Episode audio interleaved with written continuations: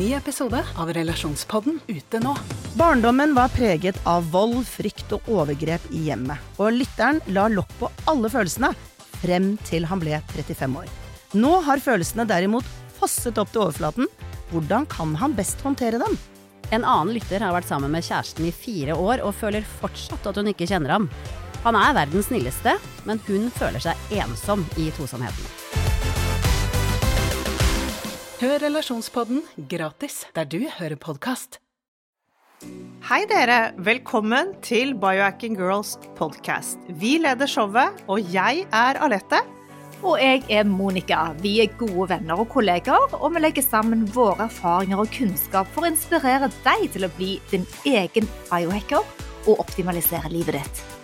Vi følger med på ny forskning og trender, og stiller de spørsmålene vi mener er nødvendige. Ja, vi deler informasjon om biohacking, life coaching og fitness, og vi håper at du vil føle deg inspirert og klar til å ta et tak for å komme i den beste helsemessige form.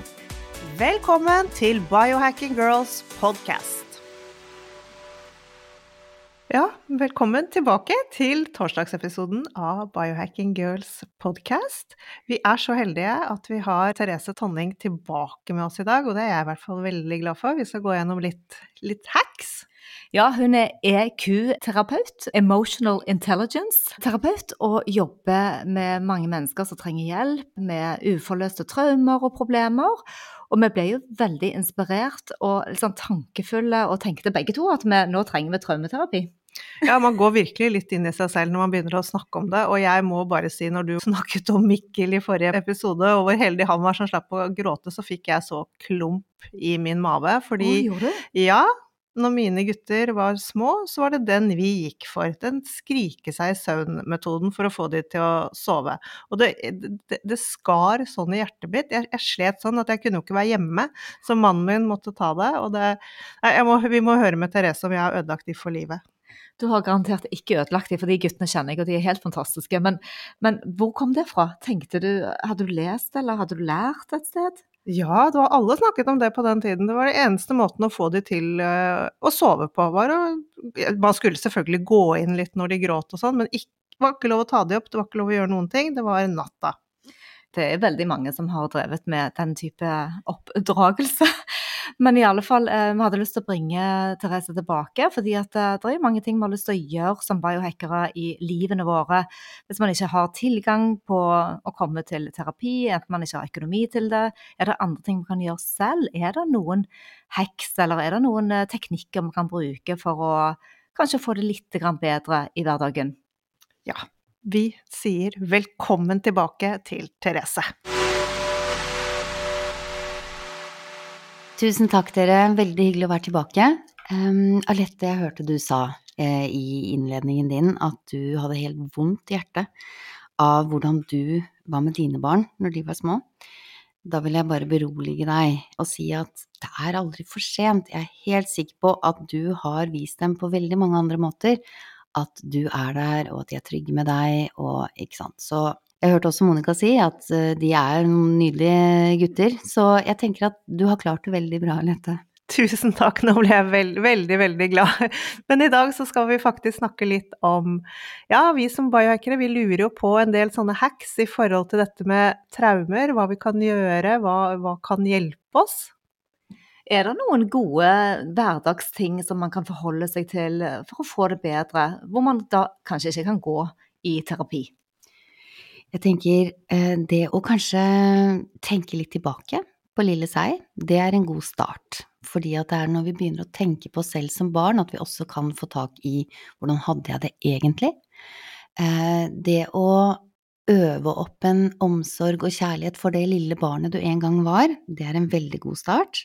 Det kan også komme opp følelser i forhold til det, ikke sant, at du kan få opp minner, du kan, ikke sant, men om du gjør det, så tenker jeg det er veldig viktig at du um, ser for deg at du bare holder dette lille barnet på fanget ditt og sier du er trygg hos meg, eller et eller annet i den duren. Det fins jo også veldig mange andre måter, eh, dere er jo inne på det, dere kommer jo kanskje til å si noe om det senere, men det er ting du kan gjøre um, for deg selv helt gratis, og det er å passe på at du eh, er god mot deg selv.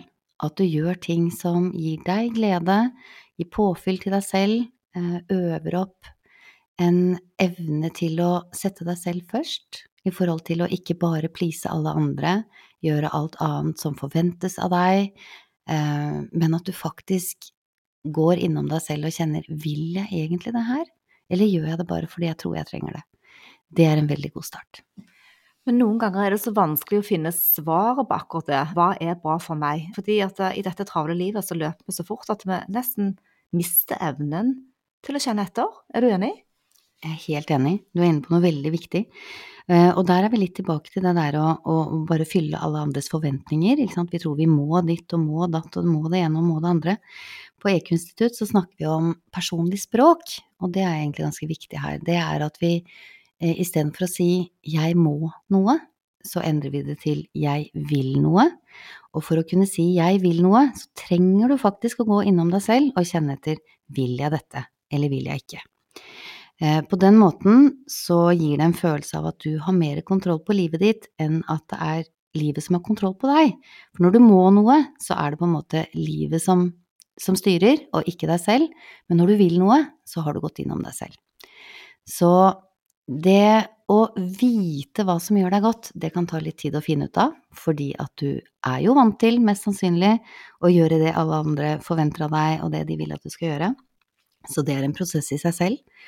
Men det å sette av litt tid til deg selv hver eneste dag, om det er ti minutter du får tid til, eller halvtime, eller hva enn, men hvor du bare sitter med deg selv, kanskje en notatbok, kanskje, ikke sant, opptaker hvis du ikke liker å skrive, men bare begynner å spørre deg spørsmålene hva vil jeg, hva gir meg glede? En pekepinn kan gjerne være hva likte du å gjøre som barn, ikke sant, fordi når vi er barn så kommer det ganske naturlig hva vi liker å gjøre. Så sett deg i hvert fall ned med deg selv hver dag og se innover. Det vil gi deg svarene etter hvert. Ja, det var veldig fint at du sa, fordi jeg, jeg har ikke vært noen sånn, særlig sånn journal-person, men Monica har inspirert meg veldig. Så siden nyttår så har jeg faktisk hver eneste dag satt meg ned og tenkt over disse tingene, og det var veldig pussig det du sa, for jeg fikk også tilsendt masse bilder for litt siden av meg selv som barn. Og gud, da begynte ting å skje. Da så jeg Plutselig så kjente jeg følelser fra når jeg kunne kjenne meg igjen i det. Det var superspennende, og da kunne jeg liksom skrive ned litt av det. Så jeg rett og slett driver og jobber med dette her, jeg. Men noen ganger, det du sier, Therese, i forhold til det å gå tilbake til det du likte som barn, så ble jeg nesten litt redd, da. For jeg var jo sånn barneteater, eh, håper jeg si, ikke stjerne, da, men jeg, jeg sto på scenen og spilte i filmer. Og min store drøm var å bli skuespiller, men nå er jeg jo veldig voksen, så jeg kan ikke bli skuespiller. Men jeg kan kanskje leke med tanken, i alle fall. Ja, jeg ser deg på meg, Monica. Vet du hva, jeg tenker at du kan leke med tanken, kose deg med det, men så tenker jeg at du har jo andre arenaer hvor du får lov til å spille ut deg. For jeg tror det også handler om det, ikke sant. Når jeg husker akkurat det samme. Men jeg hadde også lyst til å bli skuespiller og spilte masse. Jeg tror det er en søken også etter hvem er jeg, hvem vil jeg være. Så jeg tenker at du har nok funnet den arenaen som du elsker, i hvert fall sånn som jeg ser deg, Monica. Men ja, Lek med tanken, og kanskje vil du gå et eh, dramakurs eller hva enn, for å kunne gjøre mer av det. Men hva med sånne ting som å sette seg ned og puste, bruke pusten aktivt og meditere, det, vil det også hjelpe for eh, traumer? Absolutt. Pusteteknikker er jo noe som er eh, der for å roe ned eh, vagusnerven, ikke sant. Det, det, påvirker den, det påvirker igjen eh, nervesystemet, det sympatiske. Sånn at du, du, kan jo oppnå en ro ved det. Meditasjon gjør det samme.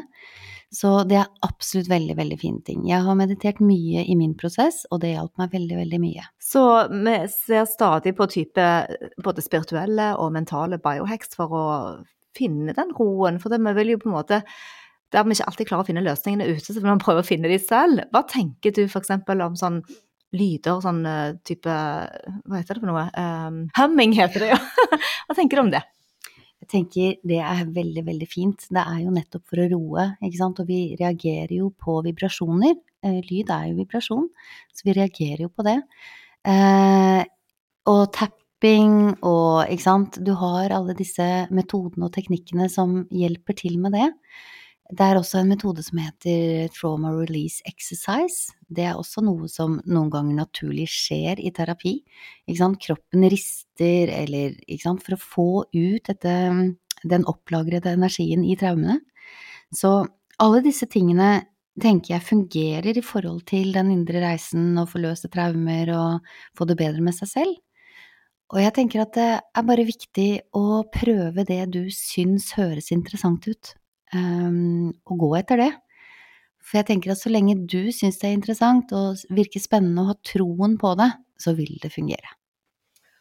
Ja, det er faktisk et veldig godt poeng, fordi hvis du ikke liker å meditere, så kan du nesten ikke få beskjed om å sette deg ned og sitte stille i ti minutter. Det, det, fungerer jo absolutt ikke. Men man kan jo også lære seg å like nye ting. Selv har vi i hvert fall den siste tiden begynt med mye nytt, særlig for meg. Kuldebading har jeg hatet, og nå elsker jeg det rett og slett. Og jeg syns det hjelper helt ekstremt for meg i hverdagen. Så spennende å høre, Lette. Jeg blir gjerne med og gjør det. Det er noe jeg har kjent på at jeg vil. Jeg kuldebadet som barn, men det har jeg sluttet helt med som voksen. Men det er noe jeg vil ta opp igjen. Så eh, det tenker jeg er veldig, veldig fint for å restarte eh, cellene. Det gjør noe med kroppen. Og så fint at du elsker å gjøre det, for da gir det deg noe ekstra. Du sier at du kuldebadet som barn. Det, fortell om det. Nei, det var bare at jeg ville bade overalt. Og jeg husker det var en, eh, en, tur på fjellet med familien. Eh, så stoppet vi, og så var det pappa og jeg som gikk i sånn kulp med is. Eh, og der badet jeg. Skjønner ikke hvordan jeg klarte det, men jeg gjorde det da. Jeg har lyst til å bli like tøff nå. Så det vi har målt, da, når vi tar en kald dusj, eh, så kan vi måle på disse duppedittene som eh, tracker tilstanden vår på stress. På Garmin så kan man se at eh, stressnivået senkes, og at hjertevariabiliteten øker. At vi rett og slett får en bedre balanse mellom det sympatiske nervesystemet. Så sånn sett er jo kalde dusjer veldig bra for kanskje de opplevelsene av traumer som vi har i dagliglivet som man kanskje ikke vet om. Ja, det tenker jeg. Det, alt har en, en positiv effekt, eh, som jeg nevnte i sted. Og det, det er jo med på å roe systemet. Dette med at vi nå har distansert oss så utrolig langt fra naturen. Vi lever jo sånn inneliv. De fleste er ikke ute mer enn kanskje 10% av tiden vi er eh, våkne. Om, om, det, og vi sitter stille.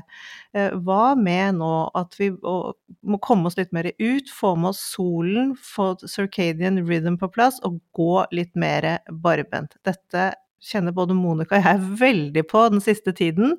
Kanskje vi har blitt mer bevisste, men det er bare Jeg skjønner ikke hvordan man kan ha glemt det. Jeg tenker det er så viktig, det du er inne på der. Vi er jo egentlig skapt til å leve i naturen, sånn som jeg ser det. Um, så den verden vi lever i nå, den er ganske langt fra det vi egentlig er skapt til. Så jeg tenker jo at den livsstilen vi har, den er jo på mange måter veldig gal for systemet vårt. Så det å komme oss ut i naturen, være i kontakt med jorda, få solen, trærne, ikke sant, alt henger jo sammen. Så det å, å sitte inne i husene sine og ikke være aktiv og ikke være ute, det er absolutt ikke bra for oss mennesker. Og dette med mikrobiomet vårt òg, tarmbakteriene som bare forsvinner, de elimineres fra kroppene våre fordi vi ikke får nok påvirkning. Og det å ha dyr, f.eks., hund eller katt, at du eksponeres for bakterier er jo viktig for å styrke immunsystemet. Og vi snakket jo i forrige episode om immunsystemet knyttet til traumer. Så, så dette med et sterkt immunsystem, vil det bidra til at eh, du håndterer livet bedre, eller traumene forstås bedre? Jeg tenker jo at eh, et sterkt immunsystem vil jo uansett ikke kunne ikke påvirkes av traumer. Fordi det er jo Under traumepåvirkning så vil du jo, sant, utskille kortisol, adrenalin, disse stresshormonene.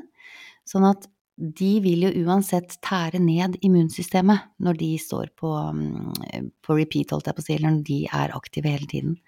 Men selvfølgelig vil et sterkt immunsystem Eh, forsvar og, og system hjelpe deg til å føle deg bedre. Ikke sant? Og det påvirker jo også hvor mye eventuelt traumene påvirker deg. Ja, og det vil vel også gjøre sånn at hele traumeprosessen vil gå litt enklere hvis immunsystemet er sterkt og man har alle disse andre praksisene inne. Så vil jeg tro at eh, det er lettere å hoppe inn i dette med traumer også. At det kanskje ikke blir så skummelt når man har gjort mye annet. Ja, det tenker jeg. Eh, at det, det bidrar, ikke sant. Det blir en positiv oppadgående eh, spiral istedenfor den nedadgående. La oss snakke litt om akutte situasjoner. Hvis du får et panikkanfall, eller du skal inn og presentere noe, og du kjenner at du ikke får puste, har du noen gode teknikker eh, som du bruker ved akutte situasjoner? Eh, jeg pleier alltid å anbefale folk som f.eks. er redde for det, å få panikk ved å skulle snakke høyt f.eks., eller hva enn, at start med å sette ord på det, ikke sant. Si fra 'oi, nå kjenner jeg at jeg er redd', eller 'nå er jeg nervøs', eller et eller annet. Det er med på å roe systemet, ikke sant. Men det kan også være skummelt når du først får panikk. Så jeg tenker at det å få panikk, det er jo en reaksjon, en følelsesmessig reaksjon. Det er akkurat som masse frykt som har samlet seg opp, og så kommer det et anfall. Så det er jo så utrolig viktig, og det kan være vanskelig når man ikke har gått i terapi, men å, å bare anerkjenne 'nå er jeg redd'. Om du ikke sier det høyt, si det til deg selv 'nå er jeg redd'.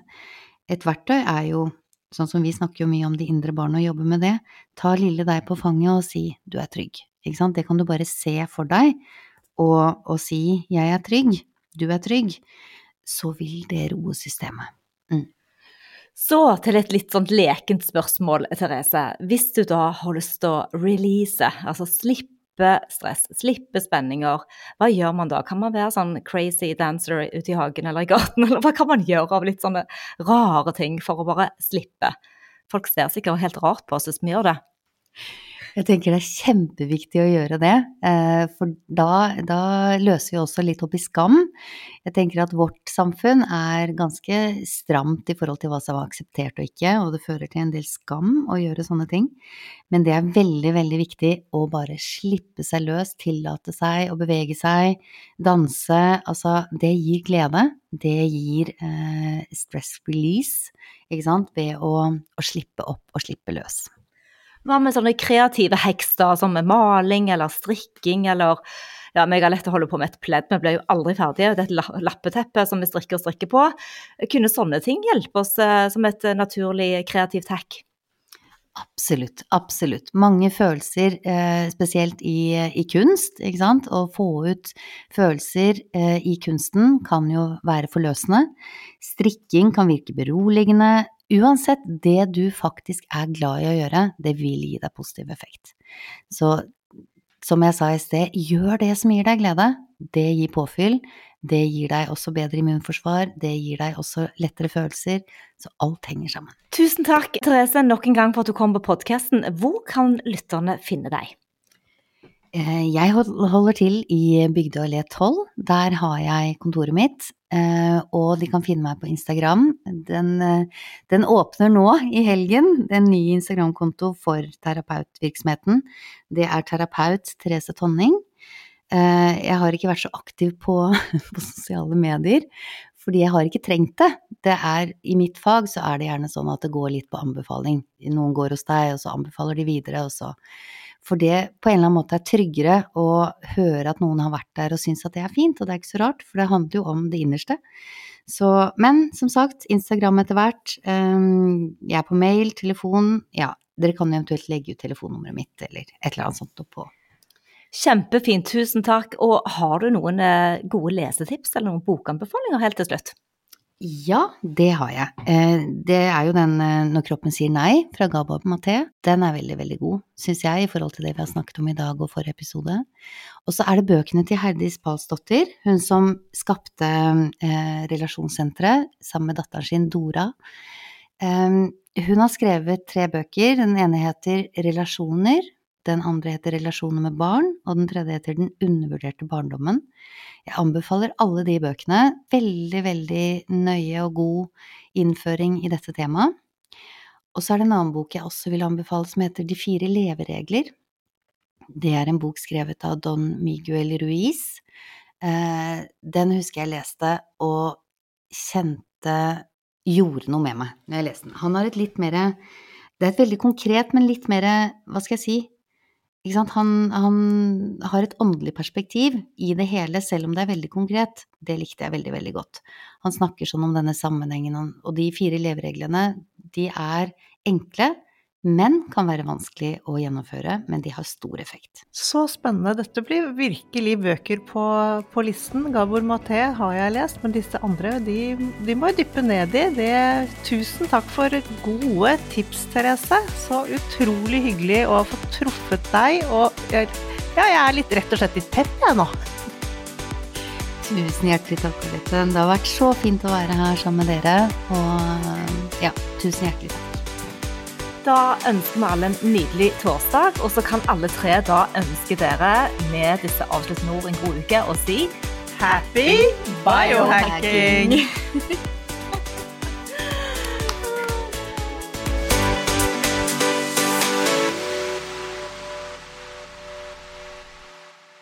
Vi minner om at dere må snakke med egen lege eller kostholdsveileder om dietter og andre spørsmål relatert til medisiner og supplementer. Informasjon vi deler kan ikke bli brukt til å diagnostisere, behandle, forebygge eller kurere noen sykdommer eller tilstander. Har du et enkeltpersonforetak eller en liten bedrift? Da er du sikkert lei av å høre meg snakke om hvor enkelt det er å sende faktura med fiken. Så vi gir oss her, fordi vi liker enkelt. Fiken superenkelt regnskap. Prøv gratis på fiken.no.